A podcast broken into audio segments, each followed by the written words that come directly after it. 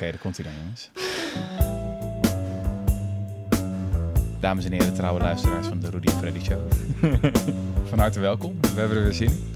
Uh, ik zit hier met mijn zeer gewaardeerde co-auteur. Ja, dat ben ik. Jesse Frederik. Hi. Je ziet er weer goed uit, jongen. Dankjewel. Ik ben een beetje vrolijk vandaag. Ja, ik zie het, ja. Nou, dat heeft misschien wel iets te maken met onze gast van vandaag. Uh, we hebben weer een gast. En ik kan wel zeggen, dit is waarschijnlijk de hoogst opgeleide gast die wij ooit in de studio hebben gehad. Het contrast wat ik nu voor me zie is ook enorm. wij hebben een econoom hier. Die is verkozen door um, zijn vakgenoten als de beste van zijn vak. Ach, ach, ach, Een aantal jaar geleden nog maar in Vrij Een Nederland. zeer selectieve steekproef was dat. Eh, hij heeft een hele schade van volgelingen achter hem. Die worden de Jacobieten genoemd. Eh, hoog- hoogleraar aan de Erasmus School of Economics. Eh, Bas Jacob. Ik, ik moet ineens aan, eh, aan de Life of Brian denken van, eh, van Monty Python. En, en nog I am even not hoor. the Messiah. En eh, nog Dat even. een soort DWDD-introductie. Het, het contrast ja. is extra scherp natuurlijk van iemand met zulke, zo'n fantastische cv. Evidente merites. Samen met Jesse Frederik. Jesse, jij hebt de HAVO afgerond. Ja, Eh, is dat Ja. toen, was, was nog een ja beetje- dat was de NSG in, eh, in Nijmegen. Ja, precies. ja. ja. Alright, nou helemaal te gek. Ik heb, eh, ik heb popcorn, ik heb eh, chips, in ieder geval imaginair.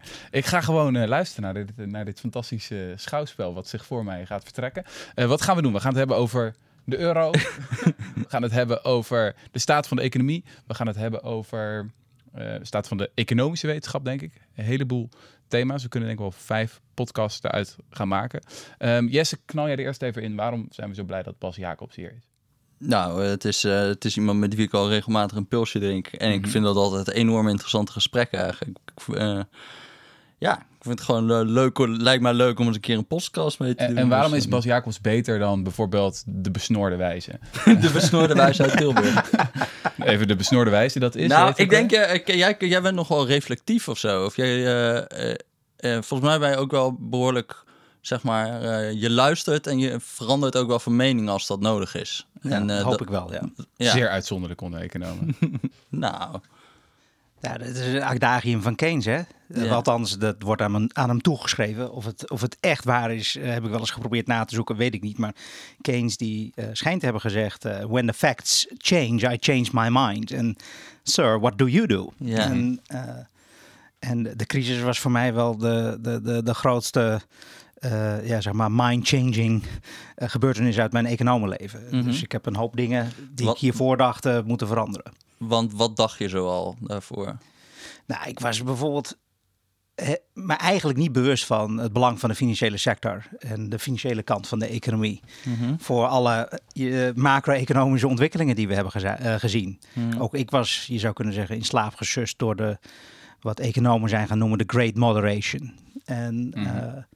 En die, nou, dat kwam terug met een, met een, ja, een hevigheid die ik niet had voorzien. En het heeft bij mij wel een jaar of anderhalf geduurd voordat ik een beetje grip had, zeg maar intellectueel grip had op wat er in de wereld gebeurde. En ik ben toen allemaal boeken gaan lezen die ze voorschreven aan, eh, aan promovendi in de VS als ze macro-economie doen. Eh, boeken als eh, eh, Lucas en Stokey, eh, eh, boeken eh, de, de Woodford en Gali, eh, dingen die waarin zeg maar, het, eh, eh, het nieuw Keynesiaanse dynamisch-stochastische algemeen evenwichtsmodel wordt uitgelegd. Oh ja, ja, ja. ja. En, eh, Got it, ja. en, en daar leer je dus helemaal niks van. Ja. En toen ben ik dieper gaan graven. Ben ik oude stukken gaan lezen eh, van Bernanke en Stiglitz. Al in de jaren tachtig waren die bezig met eh, de interactie tussen de, de financiële kant van de economie en, en de conjunctuur.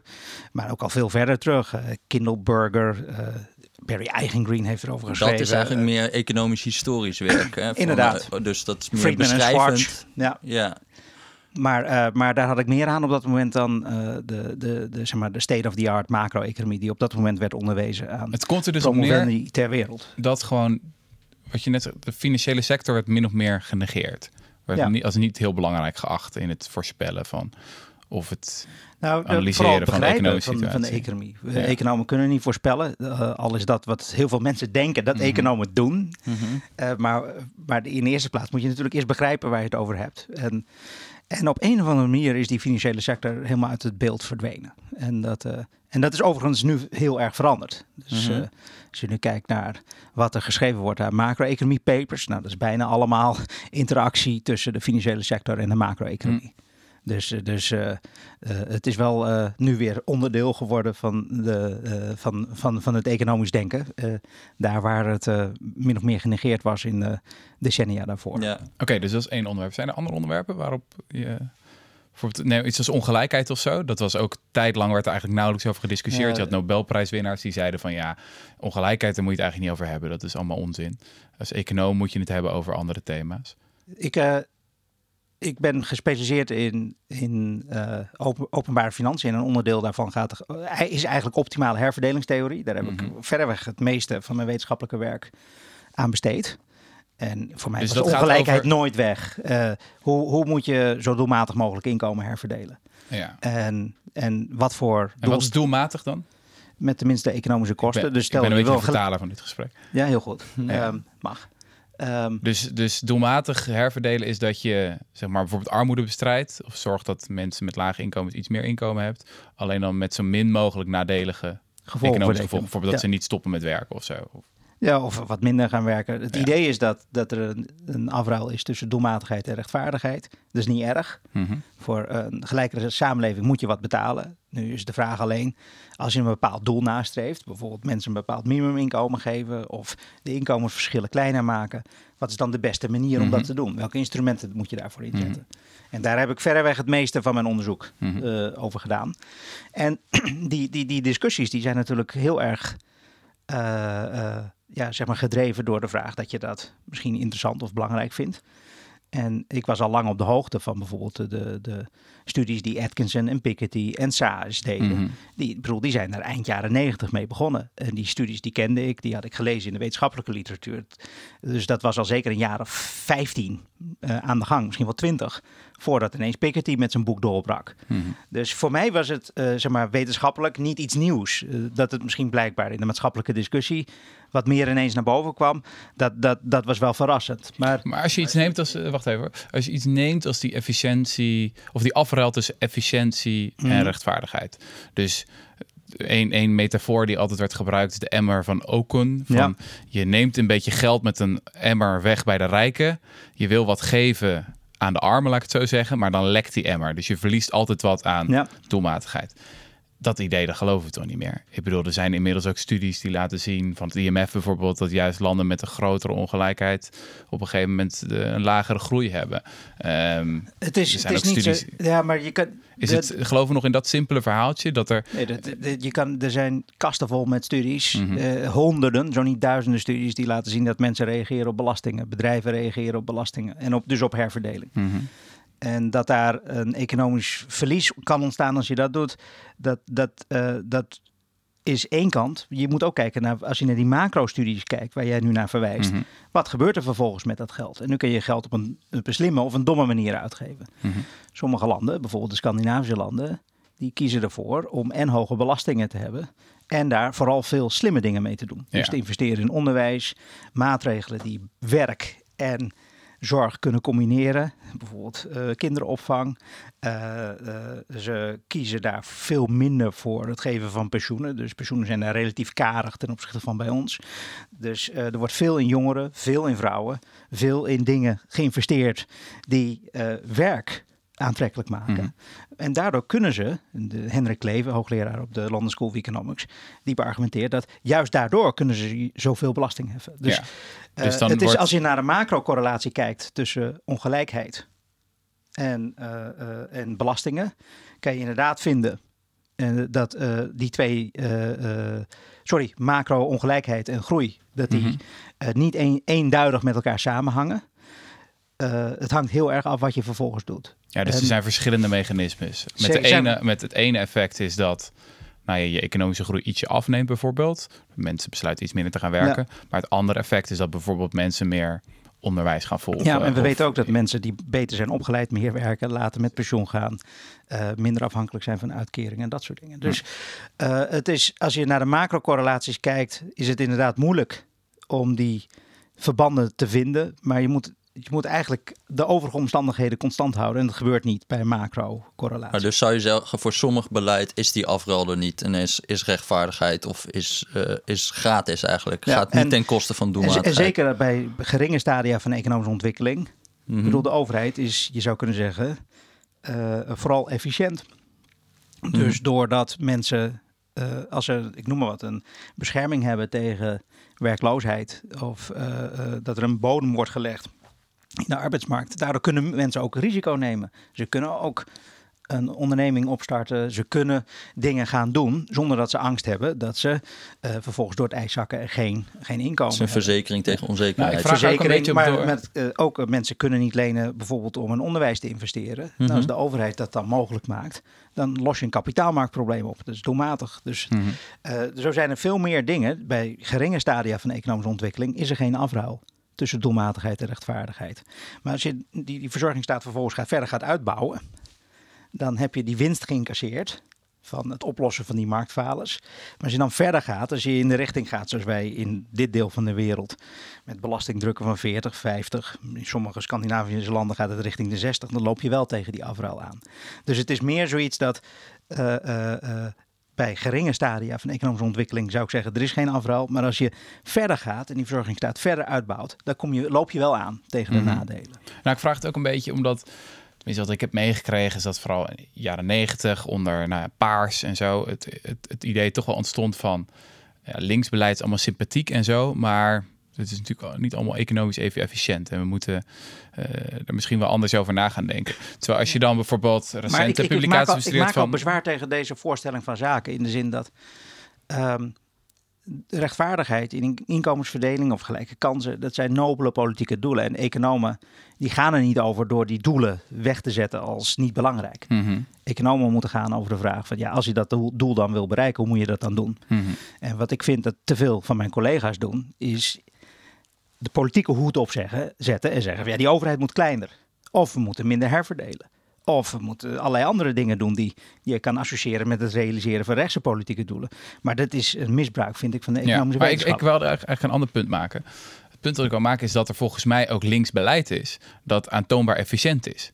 Ehm, neem iets als het uitroeien van armoede of zo. De kosten van Zeker. armoede zijn gigantisch in termen van hogere zorgkosten, kinderen die slecht presteren op school, eh, meer criminaliteit. Het lijkt me hartstikke efficiënt om dat fors aan te pakken, met name kinderarmoede op de, op de lange termijn. Ik vraag me af of dat altijd dat soort dingen mee worden genomen in modellen. Ander voorbeeld dat Piketty altijd geeft, is ehm, hele hoge belasting op topinkomens. Stelt 70, 80 procent voor, geloof ik. Eh, en zijn argument is van, nou, het gevolg is dat er dan gewoon die hele hoge lonen, die worden niet meer uitgekeerd. Een soort van afschrikwekkende belasting. Nou, dat soort argumenten, die zijn naar mijn idee wel recenter. Eh, die, die kon je niet in de Financial Times lezen, laten we zeggen, tien jaar geleden.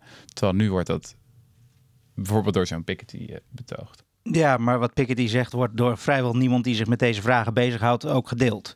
Oké. Dus ik zou dat. ik bedoel, Piketty en ook, ook, ook Saars vind ik economen die eh, zeg maar hun politieke opvattingen sterk verwengen met hun onderzoek. Ja, En ik vind eigenlijk dat economen dat niet moeten doen. Wat ik net al heb gezegd. ja.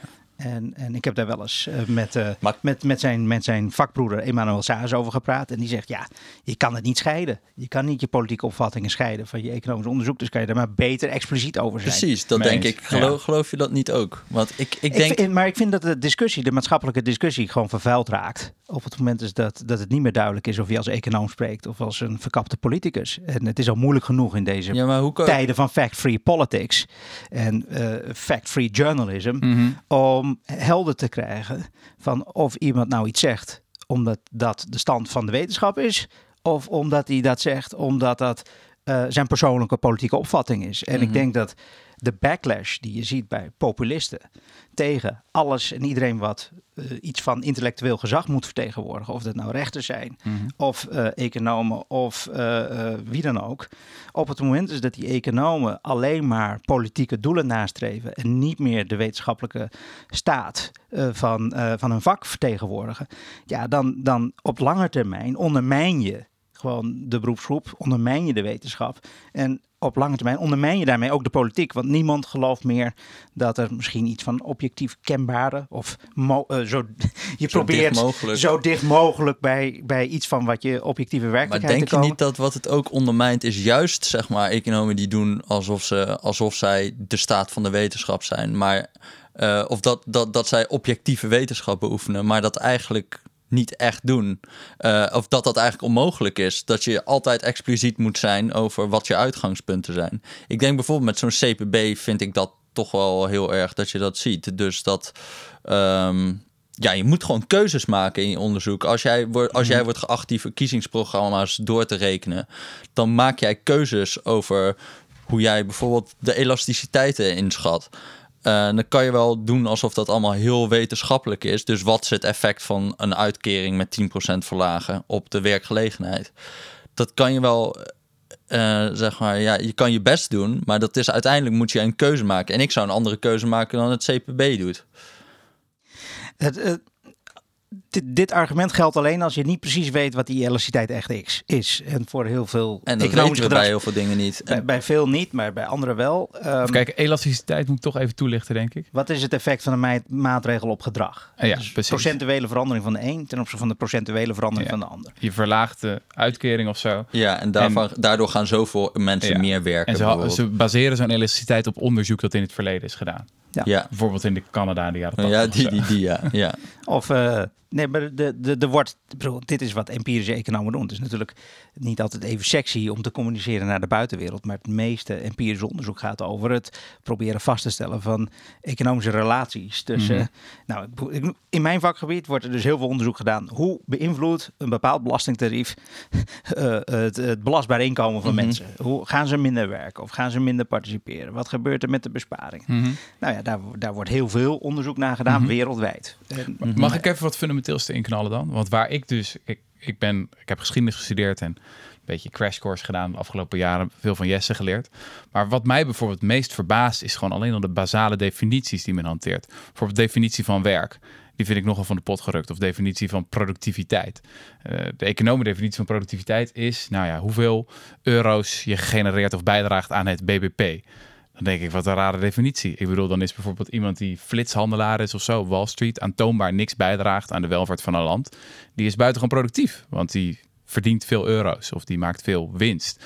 Terwijl iemand die vrijwilligerswerk doet eh, en die zou Ja, gaan staken een dat het oude hele discussie. Is, is BBP de juiste maatstaf van Maar het is een fundamentele discussie. Ja, ben, die- ben ik met je eens. Maar het, je, kan, je kan zeggen van eh, de standaard maatstaven... eh, die meten niet het effect op ons welzijn of onze welvaart in brede Nee, zin. maar nee, maar het gaat en dat is ook belangrijk. Een Dus recente, de- een recente peiling in Engeland kwamen ze achter, gingen ze vragen aan mensen van, is uw werk zinvol, ja of nee? Voegt uw werk iets toe aan deze wereld?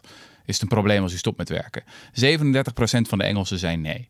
Nou, dat zijn geen vuilnismannen of leraren of verpleegsters die dat zeggen. Dat zijn mensen in de city. Dat zijn al die mensen die aan het co-creëren zijn met elkaar en daar rapportjes over schrijven en de hele dag met elkaar zitten te e-mailen. Ik bedoel, dat is best wel fundamenteel. Een derde van de, van gewoon de hele beroepsbevolking zegt: fuck it, maakt niet uit als ik ga staken. En dan vervolgens in de economenmodellen lees ik dat het heel erg problematisch is als, als we hun belasting iets verhogen. Omdat dat afschrikwekkend zou zijn dat ze dan minder in een bullshit job tekeer gaan. Ik denk, nou volgens mij moeten we echt, echt Eh, je- je- je- je totaal gooit anders hier, gaan eh, denken eh, over dit soort. Je gooit hier echt heel veel dingen door elkaar heen. Als jij het hebt over bullshit jobs, dan kunnen we een discussie. Voegt de financiële sector waarde toe? Mhm. Ik denk dat het discutabel is. En dat wat we, wat we opnemen in de BBB-statistieken. Ik bedoel, het verhandelen van eh, claims op eh, kapitaalgoederen of eh, op andere assets levert als zodanig geen toegevoegde waarde op. Dus dan moet je al een, een, een fictie gaan verzinnen. Daar zit dus blijkbaar een dienst aan Mhm. verbonden. En die, die, die handelaren leveren een dienst en daar worden ze voor beland. Nou, daar zitten enorme meetproblemen. Dus daar kan je een discussie over voeren. Je kan ook een discussie voeren of de financiële sector niet grote negatieve externe effecten veroorzaakt. Dus heel veel schade voor de rest van de samenleving veroorzaakt Mhm. als het misgaat. Dus wat is dan de waarde die wordt toegevoegd? Maar da- dan is het een hele grote stap door te zeggen van ja, al die statistieken zijn vervolgens eigenlijk onzinnig. En dat is een beetje wat je suggereert. Nou, ik, ik zeg wel dat grote delen van de financiële sector inderdaad volkomen overbodig zijn.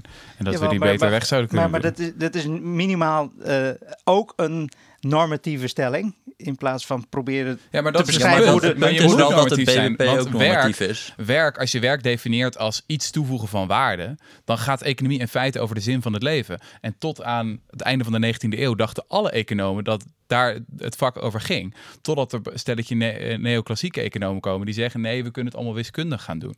Uh, en toen is ook- alles misgegaan. Ook, dit is een Ooit waren karikatuur. economen waren Dat- wijsgeren, filosofen, dat waren echte visionairen. En nu zijn het allemaal uh, Ja, maar dat is toch wel rekenmachientjes. grappig. Ik heb net zitten zeggen dat, dat economen eigenlijk probeer, moeten proberen, schoenmaker, blijf bij je leest. Probeer gewoon dingen eh, van politiek en, en economische analyse te scheiden. En als je dan normatieve economie Mhm. doet, eh, probeer niet in discussie te treden over welke doelen van economische politiek je dan moet nastreven. Of nivelleren goed is, of, of een beter klimaat goed is. Dan blijf daar alsjeblieft buiten om geen politicus te zijn. En eigenlijk zeg je nu, ja nee, die, die oude economen, die politicus, filosoof Ja. en, Ja, en ja. historicus, Die en al die dingen maar- tegelijk maar- waren, dat waren leuke economen. Ja. Bas, maar dat, dat, doet, dat doet de neoclassieke economie toch eigenlijk ook? Kijk, wat is de waardetheorie van neoclassieke? Dat is datgene wat mensen doen en wat ze willen, daar zoveel mogelijk van. Dat is, dat is jullie definitie van welvaart, toch? Dus we proberen, we doen aan nutsmaximalisatie. Toch? Wat is nut? Dat is datgene wat wij kopen en daar zoveel mogelijk van. Nou, ik zou zeggen, eh, ik vind dat er nogal toe doen, z- eh, zeg maar. eh, ik bedoel, ik vind dat er nogal een kwalitatief verschil is tussen als Genghis Khan een dorp wil platbranden. Eh, en nou, dat maximaliseert zijn nut. En of eh, Martin Luther King die een demonstratie wil doen en dat maximaliseert zijn nut. Oké, maar we kunnen een hele, hele discussie voeren Nee, maar over jij wat bent- is jij bent ook een filosoof. Jij En- bent ook een filosoof, alleen je probeert te doen alsof je een loodgieter Je bent. verbergt je aannames. ja. Dat is mijn eigen, en mijn Maar eigen dat is, dat is metafoor. ook Keynes. Ja, dat is ook Keynes. Dat, eh, Dus gewoon, gewoon praktische mannen die denken dat ze geen enkele Ja, wat is ja. het, economische ideologie hebben. Die regeren uiteindelijk, of die zijn vaak de slaaf ik heb van de het dode gisteren nog aan mijn, dat citaat heb ik aan mijn studenten voorgedragen. Dat, eh, ik heb een gegeven seminar over globalisering en de politieke economie van globalisering. En Mhm.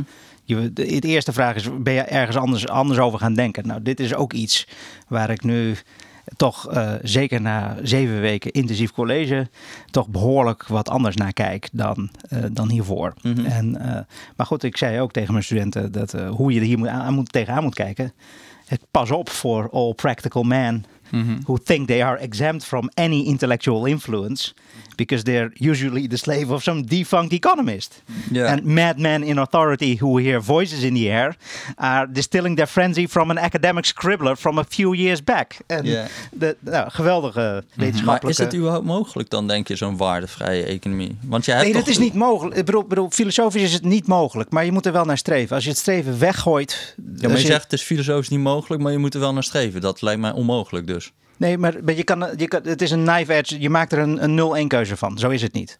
Eh, eh, het zijn natuurlijk allerlei gradaties. En eh, je, je wil niet terechtkomen in de maatschappelijke constellatie. Waarin economen uitsluitend en alleen worden gezien als behartigers van een of ander economisch idee. Ja. Eh, wat politiek zwaar geladen en, en, en ge- eh, eh, zwaar geladen is, wat duidelijke eh, normatieve stellingen behelst. En waardoor je niet meer weet of deze man iets zegt op basis van zijn analyse. Volgens mij is het juist basis- eerlijker. Het is toch eerlijker als jij zegt: Oké, ik heb deze veronderstellingen en op basis van deze veronderstellingen Zeker. kom ik tot deze.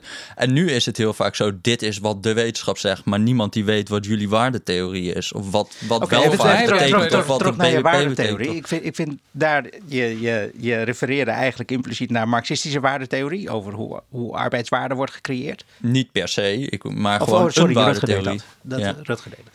Maar, eh, en daar kan Ja, je ik zat natuurlijk weer een beetje Marx erin te knallen. Dat ik altijd. De, de, de, eh, daar kun je een hele discussie over voeren. In de zin van. Eh, wat, wat, wat je zou kunnen zeggen, neoclassieke economen doen, die, die poneren een nutsfunctie, maar ze hebben geen idee waar dat vandaan komt. Mhm. En, en daar zit natuurlijk, heb je helemaal gelijk in, een keuze in. Van wat is het dat mensen nastreven? Nou, als je alleen maar, ik noem wat, consumptie en vrije tijd, dat zit weer heel veel economische theorieën, alleen maar consumptie en vrije tijd in een nutsfunctie stopt, dan zijn dat dus de enige dingen die waarde genereren. Mhm. Overigens, die vrije tijd, dat wordt al heel veel vergeten. Hè? Dus dat wordt dan al heel snel verengd door. Het gaat alleen maar over consumptie, eh, inkomen. Dus dat vrije tijdwaarde vertegenwoordigt, dat wordt al meestal vergeten. Maar er hoort ook in, als je een breed welvaartsbegrip hanteert. eh, ik noem wat, kwaliteit van het milieu en de leefomgeving. eh, oordelen over de verdeling van inkomen. Ideeën over gelijke kansen. eh, eh, eh, dat soort zaken. Hoe de, de samenleving zou moeten functioneren. Hoe je daar tegenaan kijkt. Dus dat zijn allemaal dingen die waarde genereren. En, en je, bent helemaal, je hebt helemaal gelijk. Economen moeten hier expliciet over zijn. Mhm. En het aardige van trouwens neoclassieke theorie is, is dat je juist daar heel expliciet over bent. En dat je ziet van welke assumpties conclusies drijven. Ik vind alleen dat. En je kan economen terecht bekritiseren. Ja, ze stoppen allerlei dingen niet in hun theorieën. Ja, maar als ze zelf die, die wel belangrijk zijn. Ja, ja, ja. welvaartsmaximaliserend, dat zie je heel vaak in CPB-publicaties en zo. Dan gaat het hier over nutsmaximaliserend. Dus mensen Zeker. die, die kunnen zoveel mogelijk, hebben zoveel mogelijk consumptie en zoveel mogelijk vrije tijd, zeg maar. Volgens mij wat er ook dat- misgaat is maar, dat... maar het is, gaat niet over, zeg maar.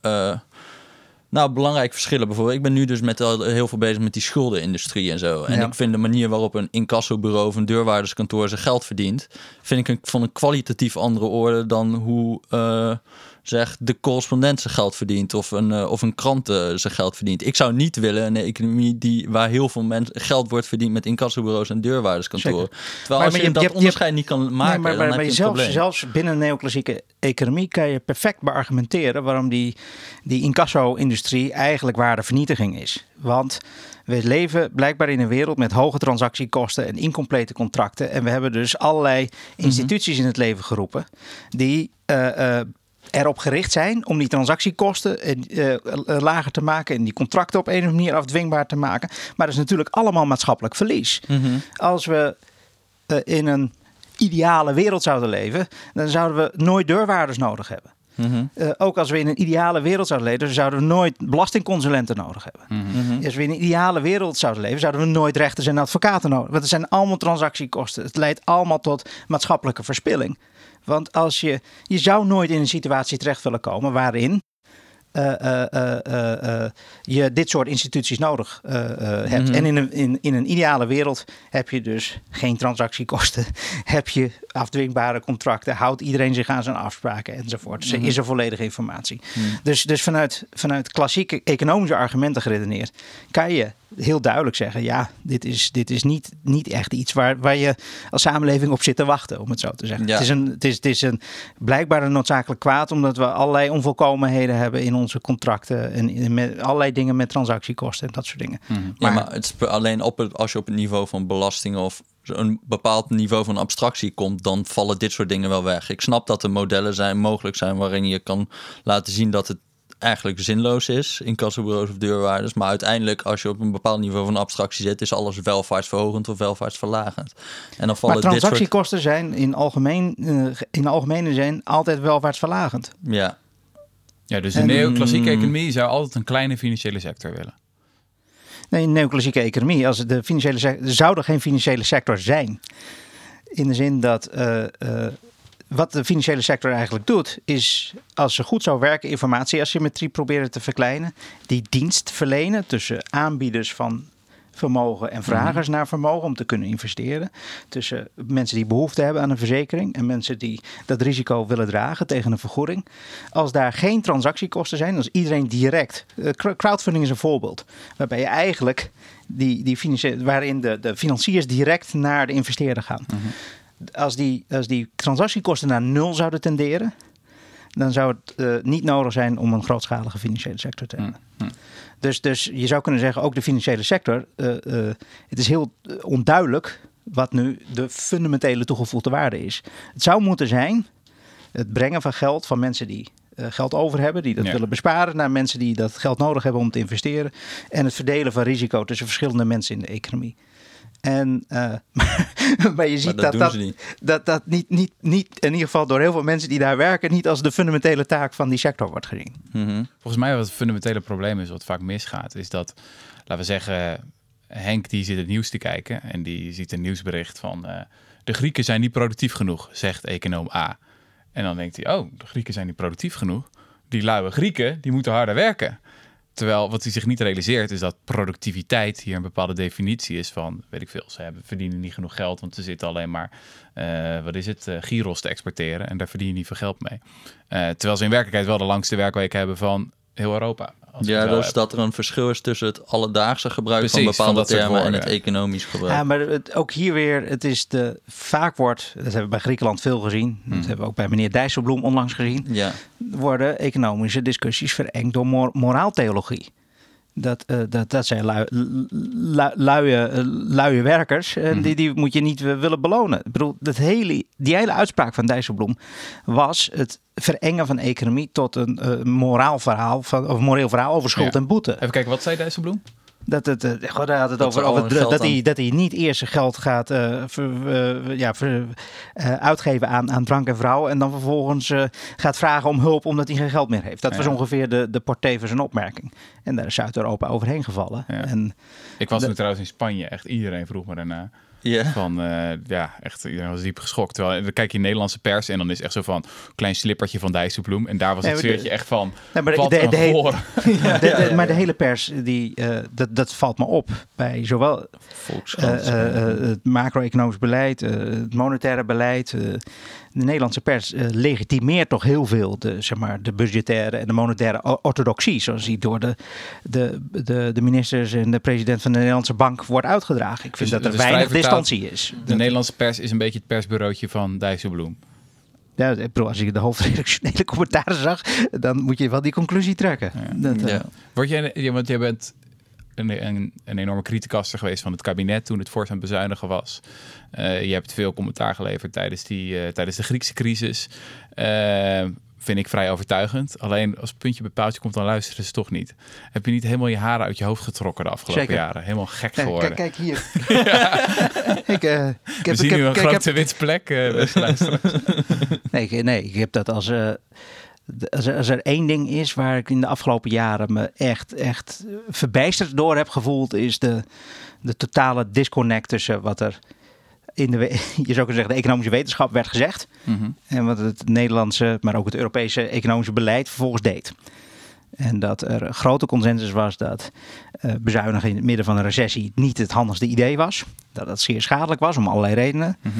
Dat er eh, eh, dat ook, overigens was er denk ik redelijke consensus dat we niet al te veel hoeven te verwachten over- van kwantitatieve verruiming. Want dat hangt erg af van toekomstige verwachtingen over de inflatie. Kwantitatieve verruiming, dat is dat de het opkoopprogramma van de centrale bank. Ja, En dat, maar ook, eh, ook in de eurocrisis met dat, nou, er is geen econoom die ik ken die, die zegt dat de Griekse schuld eh, terugbetaald wordt. Er is eh, ook geen econoom die, die zegt dat het nou een goed, goed, goed recept was wat we Mhm. daar hebben toegepast. Was je in het begin toch- niet eenzamer dan als, als, als, als criticaster, laten we zeggen in Nee, 2010, ik- ik 2011? maak, als- maak als een groot onderscheid tussen zeg maar, wat mensen in de academische wereld zeggen Ja.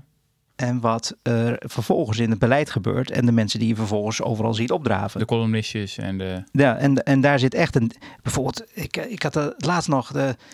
De Nederlandse bank die, die, die publiceert dan iedere keer weer eh, eh, cijfers. En dan komt er het, eh, nou, het welbekende verhaal. Eh, maakt niet uit wat er gebeurt, er moet bezuinigd worden. Mhm. Eh, er, eh, eh, hoe dat kan, dat alle sectoren tegelijk van de economie bezuinigen. Dat, dat, dat is echt proberen de zwaartekracht te verslaan.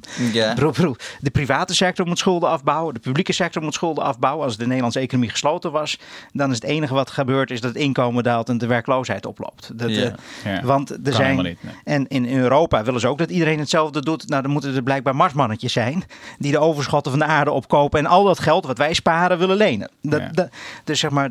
De, de, de, wat de een spaart, moet door iemand anders geleend worden. Maar Ja. zij zeggen dus iedereen moet sparen. Nou, wie moet er dan dat? Nou ja. Ja. Dus dit soort onlogische dingen heb ik me echt over verbaasd. Nou, terug naar, de, naar, de, naar die discussies over het macro-economisch beleid. eh, dat, dat daar morele argumenten door, de doorslag gaven, niet economische analyse. Dat, dat, dat vind ik echt ja, ook een vorm van factless politics. Een grote teleurstelling. Ik Maar- had een je zou kunnen zeggen, een beetje wetenschappelijk naïeve hoop Mhm. dat er wel geluisterd zou worden op het moment dat er een groot probleem is naar wat zeg maar de, de communis opinio is onder wetenschappelijke economen. Nu is het bij macro-economisch beleid altijd wat ingewikkelder dan bij micro, omdat de data veel zachter zijn, maar toch een overgrote meerderheid van de weldenkende macro-economen, om het zo te zeggen, die, die zag dat het nou ja, niet verstandig was wat we nu aan het doen waren. En toch is daar niet naar geluisterd. Maar was jij niet in 2009, zei je toch ook nog dat er eh, bezuinigd moest worden? Ehm, de- de- Tientallen miljarden, geloof ik, of niet? Nee, maar was, nee 2006. Eh, toen, ik bedoel, dat was voor de crisis losbarstte. Toen, ehm, Toen was ik erg met die vergrijzingsdiscussie discussie bezig. Mhm. En uh, toen waren er ook overigens geen ingrepen gedaan nog. Zoals het langer doorwerken, de verhoging van de AOW-leeftijd. Er waren nog geen ingrepen gedaan in de hypotheekrenteaftrek. Uh, nog wat van dat soort zaken. En uh, daardoor hadden we een aanzienlijk houdbaarheidstekort in de overheidsfinanciën. En ik vond dat dat uh, moest worden opgelost. Overigens heb ik altijd gezegd dat houdbaarheid betekent niet dat je dat allemaal in één jaar moet wegnemen. Je moet maatregelen nemen die op de lange termijn zorgen dat de overheidsbegroting op orde komt. Overigens vind ik dat nog steeds. Maar nu hebben we een houdbaarheidsoverschot in de begroting. Ja. en en ja, overigens ook, ook iets frappants wat gebeurd is. Sorry, ik ga een beetje van de hak op de tak. Mm. Maar uh, kijk nu naar de verkiezingsprogramma's bij alle politieke partijen. Die hebben allemaal gezegd de afgelopen vier, vijf jaar bezuinigen. Uh, de kredietwaardigheid van de overheid loopt anders in gevaar. Uh, de staatsschuld mag niet verder stijgen. Mhm. Mm -hmm. Al argument na argument. En nu deze verkiezingsprogramma's. Ik heb er geen, geen, geen, geen, geen, geen journalist uh, uitgebreid over horen schrijven of over zien schrijven. Het is geen discussie geweest in de campagne. Al die partijen gaan nu alles wat ze de afgelopen jaar hebben gedaan gedeeltelijk weer terugdraaien. Dus Ja. er wordt nu weer gestimuleerd. Ja, wat, zij zeggen, wat zij zullen zeggen is van, nou, we hebben moeilijke tijden gehad. We hebben de schouder eronder gezet, maar we hebben met de Nederlandse ja, zuinige geest hebben we het goed gedaan in de, in de zware jaren. Maar nu kunnen we weer even de bloemetjes buiten zetten. Het mag weer even. Ja, ja dat zeggen ze ook. dat zeggen ze ook, maar het is natuurlijk volkomen onlogisch dat je drie, drie vier jaar geleden eerst de BTW met, met, met eh, x miljard omhoog knalt. En, en nu denkt nou ja, dat was toen extreem noodzakelijk. Het moest en het zou. En twee, drie jaar later eh, zijn we dat allemaal weer vergeten. Want wat vind je van dat hele frame van uiteindelijk kreeg tijdens de verkiezingen toch een beetje van, eh, nou, het is eh, een succesvol kabinet geweest, Rutte 2. We zijn nu met enorme, we kijken weer, kijk die groeicijfers, de werkloosheid daalt. Ja, wat, eh, wat vond jij daarvan? Vreselijk. Ja, ik, eh, Arjan Lu- Lubach zou zeggen, ja, hoe dan? Hoe heeft Rutte 2 en Rutte 1 ook, hoe dan hebben ze de economie gestimuleerd? Hoe dan hebben ze gezorgd dat de boel op orde kwam? Hoe dan? Als ik dan ga kijken, sinds 2010 is de begroting alleen maar verkrappend geweest. Dus dat heeft geen bijdrage geleverd. Ze hebben meer bezuinigd, meer belasting verhoogd. Dan die lange termijn hervormingen, waar ik overigens best een voorstander van ben, in de zorg. Heeft op de korte termijn heeft dat banen gekost in de zorg. Op lange termijn levert dat misschien wat, eh, wat kostenbesparingen en dat soort dingen op. Eh, eh, als je kijkt naar de woningmarktingrepen, de hypotheekrenteaftrek, de hogere huren, hebben op korte termijn de economie schade berokkend. Eh, wat hebben we nog meer? Ja, de AOW-leeftijdsverhoging eh, heeft op korte termijn niet zo heel veel gedaan, want dat gaat heel geleidelijk op de lange termijn in. Dus als je dan de vraag stelt, ja, hoe kan het dan dat de economie is dan gaan groeien? Dat heeft met dus allerlei andere dingen te maken dan het gevoerde kabinetsbeleid. En wat ik dus nu zie overal, is dat het wordt toegeschreven aan het kabinetsbeleid. En, Ja. en Het is dat meer snap dat- ik niet. Nou ja, het is en eigenlijk als je- meer dat je, de, de metafoor is dat je ehm, tegen de muur staat met je hoofd tegen de muur zit te slaan. Ja, ja. En dat je vervolgens op een gegeven moment stopt en dat, dan ze, dat het dan weer goed gaat. voelt- en dat mensen zeggen, goed, oh ja. wat, wat lekker, het gaat weer goed of zo. Ja, maar je ziet duh, ook- je slaat niet meer met je hoofd tegen de muur. klopt. Ik bedoel, de bezuinigingen in de afgelopen eh, twee jaar, dus in 2016 hebben we natuurlijk die 5 miljard lastenverlichting gehad, waardoor er netto nog maar 1 miljard werd omgebogen op de publieke sector. Hmm. 2017, dit jaar, dus netto 2 miljard. Dus de overheid is de facto opgehouden met bezuinigen en belasting, belastingverhoging. Althans, het is bijna niet meer verkrappend. Mhm. En eh, dus, dat, eh, dus je ziet dat de economie herstelt. Je ziet ook dat de woningmarkt weer. We Ja. zijn het hele wieltje Best wel loco, hè? eh, eh, wieltje weer aan het opdraaien. Dus je ziet de private schulden in Nederland zijn helemaal niet Ik omlaag heb net een gegaan. huis gekocht. Het wat verderop. Eh, eh, de, de private schulden zijn weer aan het oplopen. De hypotheekschulden zijn even gedaald, maar in euro's zijn ze alweer hoger. Als percentage van het BBP eh, zijn ze een klein beetje afgenomen, maar gaan weer wat oplopen. Als ik dat Mhm. nu zie in de, in de woningmarkt. Dus die, die hele problemen in de private sector, de financiële architectuur van de Nederlandse economie, hebben we laten liggen. Eh, de kredietverlening aan het Nederlandse bedrijfsleven is nog steeds negatief door onze banken. Mhm. Dat, eh, eh, en het IMF kwam vorige week met een rapport waaruit blijkt dat ja, de, Nederland is nog steeds aan het deleveragen. Die banken zijn nog steeds de balans aan het inkrimpen. Het gaat de- ook hier desondanks best, best aardig, maar daar hebben we de problemen nog niet weggehaald. Even dit vertalen hoor. Deleveragen, je, je bedoelt dat De balans nog inkrimpen. steeds zijn ja. bedrijven niet aan het, aan het lenen om nieuwe investeringen te doen. in om nieuwe Met name midden- en klein maken. bedrijf zie je dat de kredietgroei nog steeds negatief is. En banken die krimpen hun balans in. Dus ze hebben minder leningen uitstaan, waardoor ze ook minder hoeven in te lenen op de kapitaalmarkt. En daardoor versterkt hun kapitaalratio. Dus banken die, eh, die doen het niet door meer eigen vermogen aan te trekken, waardoor je meer kan uitlenen. Nee, ze gaan minder uitlenen, waardoor je minder eigen vermogen, eh, vreemd vermogen nodig hebt. En nou ja, daar hebben we. Nou ja, die discussie wordt niet meer gevoerd. Mhm. Ook, ook de fiscale prikkels op schuldfinanciering. We hebben hypotheken die worden gesubsidieerd. We hebben natuurlijk een klein beetje ingegrepen, maar lang niet genoeg. We hebben in de bedrijfsbelastingen, de, de we aftrekbaarheid van schulden. Nou, dat leidt tot meer schulden. Ook banken kunnen schulden aftrekken Mhm. van de vennootschapsbelasting.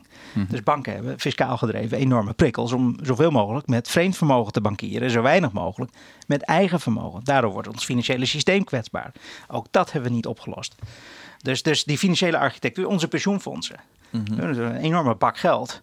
Iets van twee keer het BBP hebben we in pensioenfondsen staan, maar dat is niet liquide. Als mensen in de problemen komen, bijvoorbeeld met een huis, kunnen ze er niet bij. Mhm. Dus we hebben Hele hoge schulden en heel hoog vermogen waar niet bij en, kan. en hoe we dat nu op een beetje zinnige manier moeten doen. Dus dat eh, onze economie wat minder gevoelig wordt voor die boom-bust dynamiek. Via de financiële markten, via de huizenmarkten. Dat, eh, dat is niet echt opgelost. En ik vind het jammer dat die discussie over de financiële architectuur. en welke lessen kunnen we trekken uit de grote, grote recessie. dat die, die, die discussie is volledig stilgevallen. Dat was ook wachten op een ongeluk toch weer? Ja, dat, voel ik- dat is ook wel mijn vraag. Gaat het nou weer mis straks? Over een Eh, paar jaar? Ja, gaan, gaan, we hebben Goed, het, economen doen niet aan voorspellen hoor, maar... Nee, het, het, het- kan weer misgaan. Ja. Laat ik het zo zeggen. Omdat we te weinig hebben ingegrepen op de onderliggende structuren die ervoor gezorgd hebben dat het eh, in 2008 misging. Eh, to- zeg maar voor 2008 of daarna eigenlijk werden er allerlei statistiekjes gepubliceerd van zie je wel, de private schuld was aan het oplopen toen. En dan zie je ineens allerlei trends achteraf dat je denkt, oh, we hadden het eigenlijk wel zien aan, kunnen zien aankomen of zo. De subprimes in de VS. Als je nu dat hetzelfde statistiekjes er weer bij pakt, weten jullie dat? Hoe ziet dat er nu uit? Gewoon geflatlined eigenlijk. Hè? In Nederland in ieder geval is qua uitstaande hypotheek is het dus gewoon bijna gelijk gebleven. Het is niet groter, het is niet kleiner. Ja. En uh, En ik verwacht Maar wel ja, dat het de ietsje omlaag zal lager. gaan. Doordat er wat is ingegrepen op de renteaftrek. En doordat de maximale LTV, de lening ten opzichte van de waarde van het huis omlaag is gegaan. mhm. Maar dat is een heel klein beetje. Ehm, hier ben ik het overigens wel met Knot en het IMF eens. Dat moet veel lager. Hebben jullie de Big Short ooit gezien? Ja. ja, ja, Nou, ja. de- daar, daar lachen ze zich helemaal, helemaal een breuk over een LTV-ratio van 90%. En dat Ja. is iets waar in Nederland alle politici op hun achterste benen van gaan staan. Nou is het in Amerika ook natuurlijk zo dat je daar gewoon je sleutels kan inleveren bij de bank. Ja. Dus er is geen bank is zo stom om daar meer dan de woningwaarde te lenen. Want dan lever je het gelijk in, dan kan je weglopen en is het van je. Maar ook, ook hier zie je weer die, die schuld en boete. eh, en, dat, eh, en het beschermen van de crediteuren is in Nederland en in dit deel van de wereld heel sterk. Ja, We breek vinden het heel belangrijk dat, dat de crediteuren beschermd worden en de debiteur. Maar kan je me dat nou eens uitleggen? Wat is jouw indruk? Je spreekt ook veel met beleidmakers. Zo'n DNB of zo, die zegt we moeten altijd gaan bezuinigen. Zo'n Dijsselbloem, die zichzelf ook een beetje neerzet als, laten we zeggen, de boekhouder van Europa. Zij- geloven ze dat echt? Zien ze hun eigen ideologie niet? Ehm, Ik- wat ik- is ik- het precies? Of ik zijn denk, ze ik het denk gewoon dat ze echt, het echt geloven. niet met je eens of zo? Ja, maar ze, weten ze te weinig van macro-economie? Nou, Wat dat is er aan de ook. hand? dat, eh, dat, dat laatste denk ik echt. Ik heb, Zou Dijsselbloem het echt niet begrijpen? Dat, Ik zeg heb, maar, eh, als ik heb de- de afgelopen jaren heel veel geprobeerd de economie van de liquiditeitsval uit te leggen. Als de rentes van de centrale bank op nul zijn aangekomen, dan gaat de macro-economie zich anders gedragen. En daar schreef Keynes al over in 1936. Ja. En het is mij opgevallen dat bijna niemand in Nederland die ertoe doet in het beleid dit snapt. En hoe dat bijvoorbeeld hogere staatsschulden niet leiden tot hogere rentes. Terwijl dat iedereen dat dat, zie je gewoon toch? Dat zie je. De, de, de overheidsschulden zijn alleen maar opgelopen. Ongeveer een kwart van het BBP gedurende de crisis. Totdat ze nu weer wat gaan dalen. En de rentes die staan op een 500-jarig dieptepunt. Namelijk sinds de overheid begonnen is met het uitgeven van staatspapier. Hebben we nog nooit zo weinig eh, rente betaald. Kijk, Japan en Verenigde Staten nog. Ja, eh, eh, wat je ook ziet is dat in de huidige situatie is het begrotingsbeleid waarschijnlijk veel schadelijker dan onder normale omstandigheden. Onder normale omstandigheden, als je gaat bezuinigen, en zeker als je dat Europa-wijd doet, gaat de centrale bank wat gas bijgeven om de schade voor de economie te beperken en deflatie te voorkomen. Of desinflatie. En, maar als die rente op nul staat, kan dat niet meer. Dus er komt geen gas bij vanuit de centrale bank. Dus is het uh, veel schadelijker. Mhm. En dat zien we ook. Ik bedoel, ik heb uh, de afgelopen vijf jaar talloze publicaties in de meest vooraanstaande economietijdschriften gezien. Die laten zien dat die multipliers, wat is het effect van 1% BBP bezuinigen uh, op de economische groei? Hoeveel procent BBP krimp krijg je dan? Mhm. Die vinden allemaal in de orde van 1, 1,5 in de VS, maar ook in andere landen. Met hele zuivere schattingsmethoden en technieken. Dus dat betekent dat het heel schadelijk is om.